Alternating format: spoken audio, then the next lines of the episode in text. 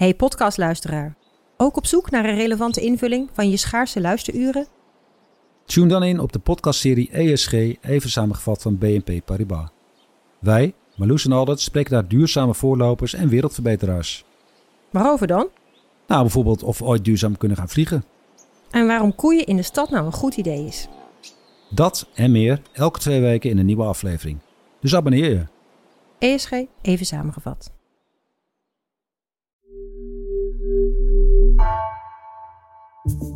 Vanaf de redactie van NRC het verhaal van vandaag. Mijn naam is Egbert Kalsen.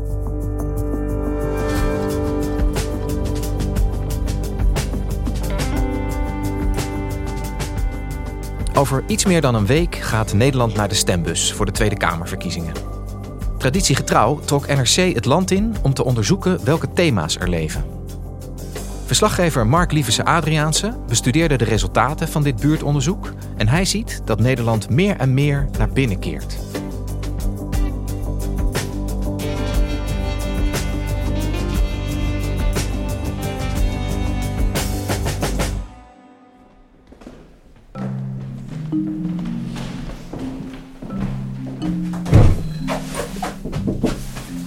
Goedemiddag, hallo. Hoi, hoi. Mogen wij even binnenkomen? Ja. Goed zo. Ik ga zitten. Nou, Eh, We wilden jullie een paar vragen stellen, mag dat? Wat? Ja, anders mag je vragen, behalve een puntkoek. eh, ja. Nou, zo ver gaan we niet. Zo ver gaan we niet, hè. we hebben voor NRC hebben we een, eh, zijn we bezig met een buurtonderzoek. Eh, dat houdt in dat we voor Ja, dit is mijn collega Jet Schouten. Zij ging eind oktober naar het Zuid-Limburgse Borgharen. Dat is een eh, dorp vlakbij Maastricht. Een buurt eigenlijk van Maastricht tegenwoordig. En zij onder meer in de huiskamer. Dat is een buurthuis waar mensen samenkomen om eh, ja, lief en leed te delen. De dag door te nemen, elkaar te ondersteunen. En daar ging ze in gesprek met bewoners over de verkiezingen die er aan zitten te komen. En de politieke thema's die voor hun belangrijk zijn. En bent u van plan om te gaan stemmen? Ja, Zoals altijd? Of- ik ga altijd stemmen. ja. En als u gaat stemmen, weet u dan al op welke partij u gaat stemmen? Eh, ik weet het nog niet zeker. Ik heb al een gedachte, maar eh, wel even de debatten afwachten. Ja, en naast Jet Schouten gingen er nog 24 andere verslaggevers van NRC eh, op pad. eh, onder wie ikzelf. En we zijn ja, eh, met, met z'n 25 naar allerlei dorpen en buurten en steden in Nederland geweest. Van Noordoost-Friesland tot eh, Zuid-Limburg en van Alkmaar tot eh, eh, Zeeland. En dat doen we eigenlijk bij alle verkiezingen al heel lang bij NRC, eh, zo'n buurtonderzoek. En dan stellen we eigenlijk hele ja, basale vragen aan mensen. Wat houdt u bezig? Waar vindt u dat de politiek mee aan de slag moet? Gaat u stemmen? Wat gaat u stemmen? We bellen aan met mensen. We komen aan de eettafel te zitten of we staan in de deuropening. We spreken ze in buurthuizen, op straat. En in totaal spraken we voor dit buurtonderzoek 336 kiezers. En sommige daarvan hebben we ook bereid gevonden om eh, ja, ook voor de podcast wat te vertellen. En, en hoe hebben jullie precies de selectie gemaakt waar je naartoe bent gegaan?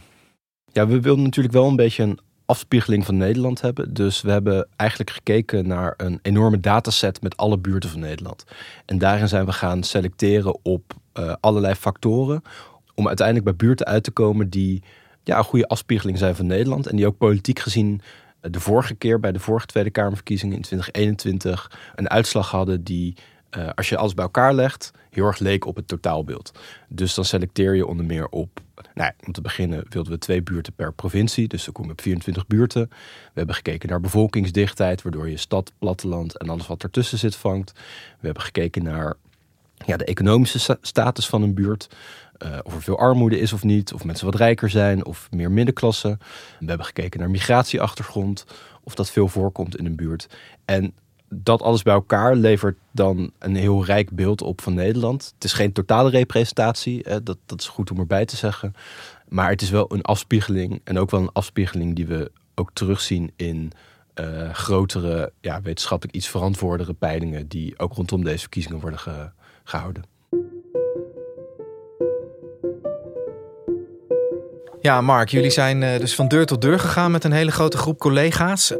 Wat zijn jullie zoal tegengekomen? Wat zijn de thema's die leven? Er zijn heel veel thema's die leven bij mensen. Wat denk ik heel fascinerend is aan deze verkiezingen, is dat er niet één groot overkoepelend thema is dat alles domineert. En als je terugkijkt naar verkiezingen de afgelopen tien jaar, zie je heel vaak dat er wel één groot thema was. Dus 2012 ging het heel erg over bezuinigingen. 2017 heel erg over migratie. 2021 trok corona als een soort depolitiserende sluier over de campagne, waardoor het over heel weinig dingen ging eigenlijk. En dit keer merkten we dat er heel veel thema's zijn die mensen bezighouden. Kiezers zien heel veel problemen, kaarten heel veel thema's aan en verwachten ook dat politiek daarmee na de verkiezingen aan de slag gaat. En, en zullen we die thema's eens aflopen? Ik bedoel, wat, wat kwamen jullie tegen? Het eerste thema dat we veel hoorden was klimaatverandering. Uh, heel veel mensen maken zich heel erg zorgen over het klimaat. We spraken best wat jonge kiezers die nou, heel concreet bezorgd zijn over hun toekomst. Die bezig zijn met hoe Nederland en de wereld er over een paar decennia uitzien. En dat ook heel erg mee laten wegen in hun stem. En de onderwerpen die ik belangrijk vind zijn voornamelijk het klimaat. Ik wil namelijk wel graag dat er nog een toekomst is om naar uit te kijken.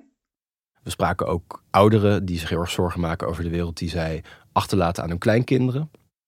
Als, als, als er niets verandert op korte termijn, dan ben ik bang dat de, de, de leefomgeving voor mijn kleinkinderen er slecht gaat uitzien.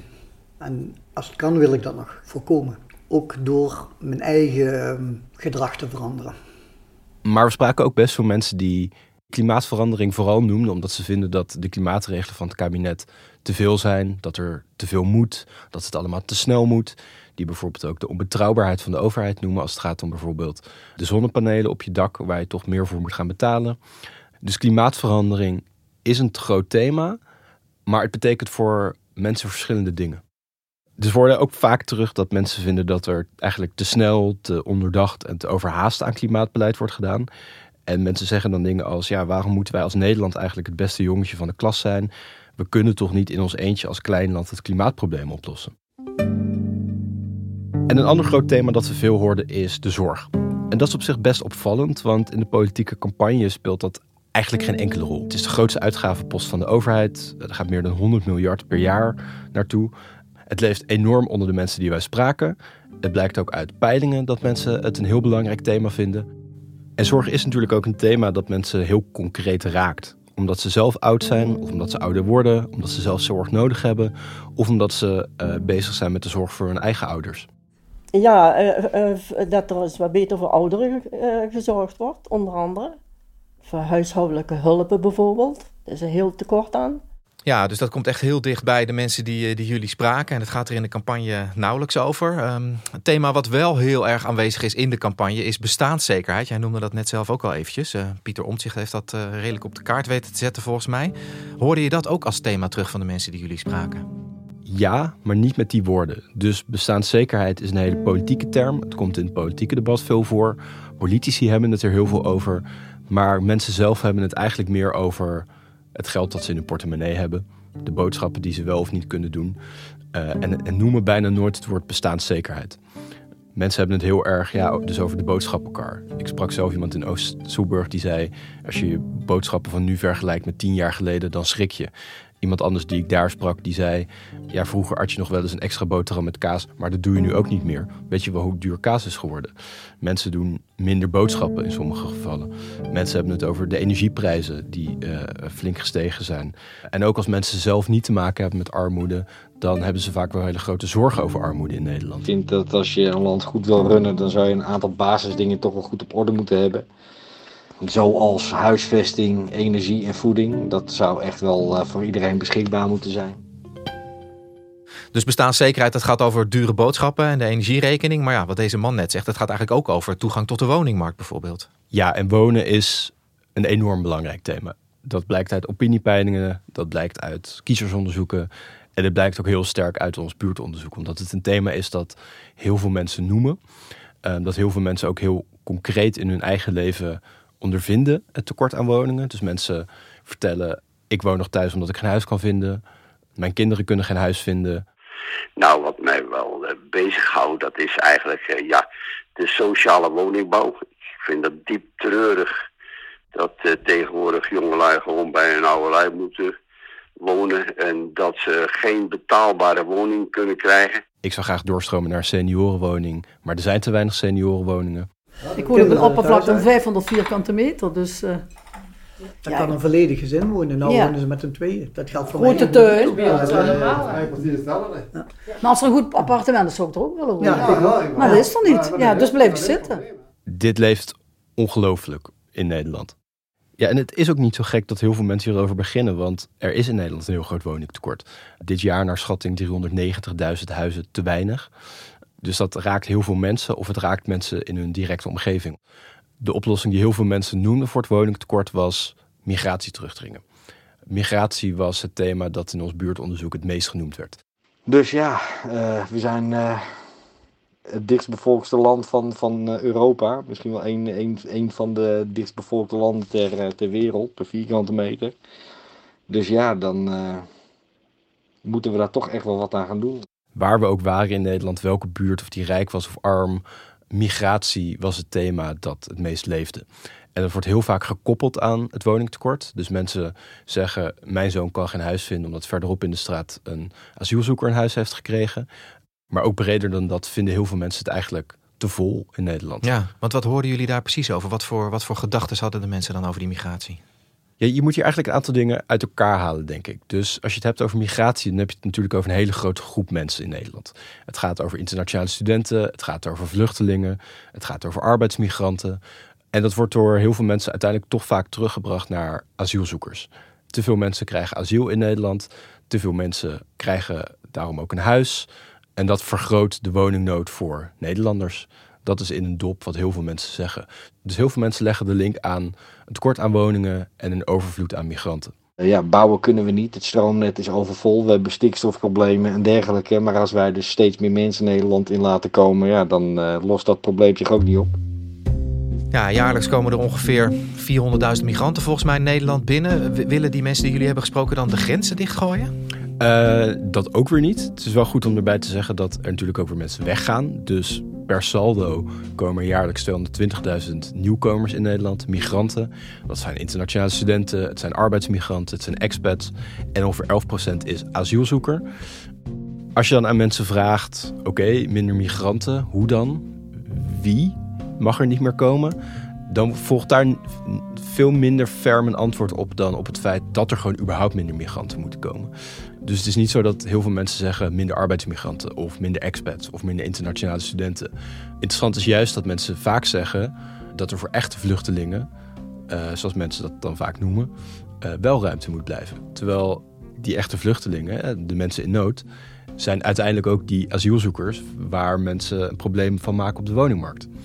Dus er zit iets tegenstrijdigs in, maar onderaan de streep is gewoon het breedlevende gevoel... er moeten minder migranten toegelaten worden in Nederland. Wie dat dan ook mogen zijn. De onderwerpen waar ik me mee bezig hou is toch migratie. Ja, wat niet door kan blijven gaan omdat er geen ruimte is en geen voldoende capaciteit om die mensen te helpen. Migratie, ik vind het goed dat eh, mensen moeten opnemen. Maar op een gegeven moment zeg ik wel, als Nederland vol is, is Nederland vol. En ik heb begrip en ik, ik wil iedereen helpen. Maar ja, dat hoort toch een keer op, hè.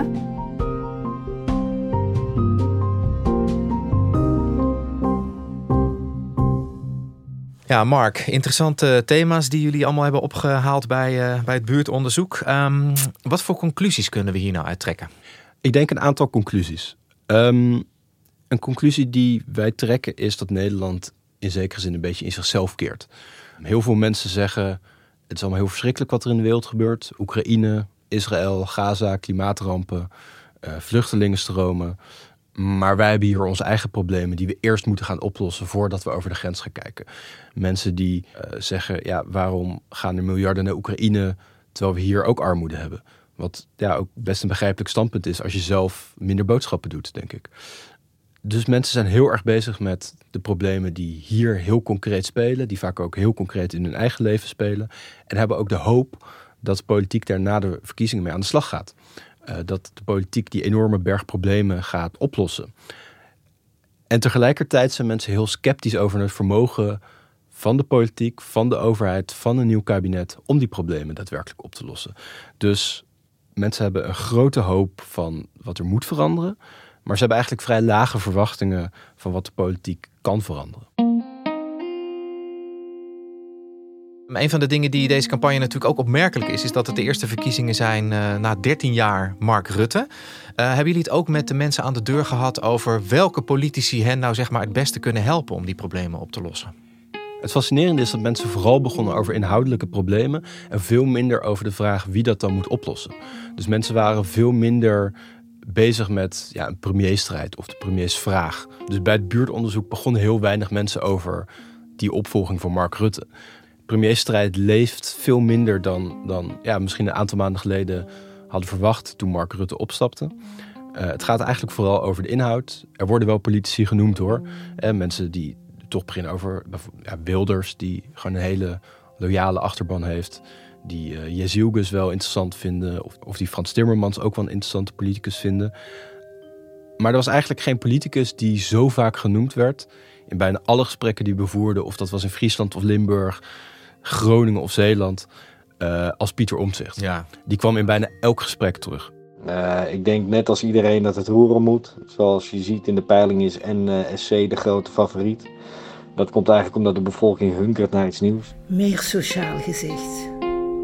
Ik vind dat ehm, er geen rekening wordt gehouden met de mens, maar dat de economie het, het stu de sturende factor is. En dat stoort mij enorm.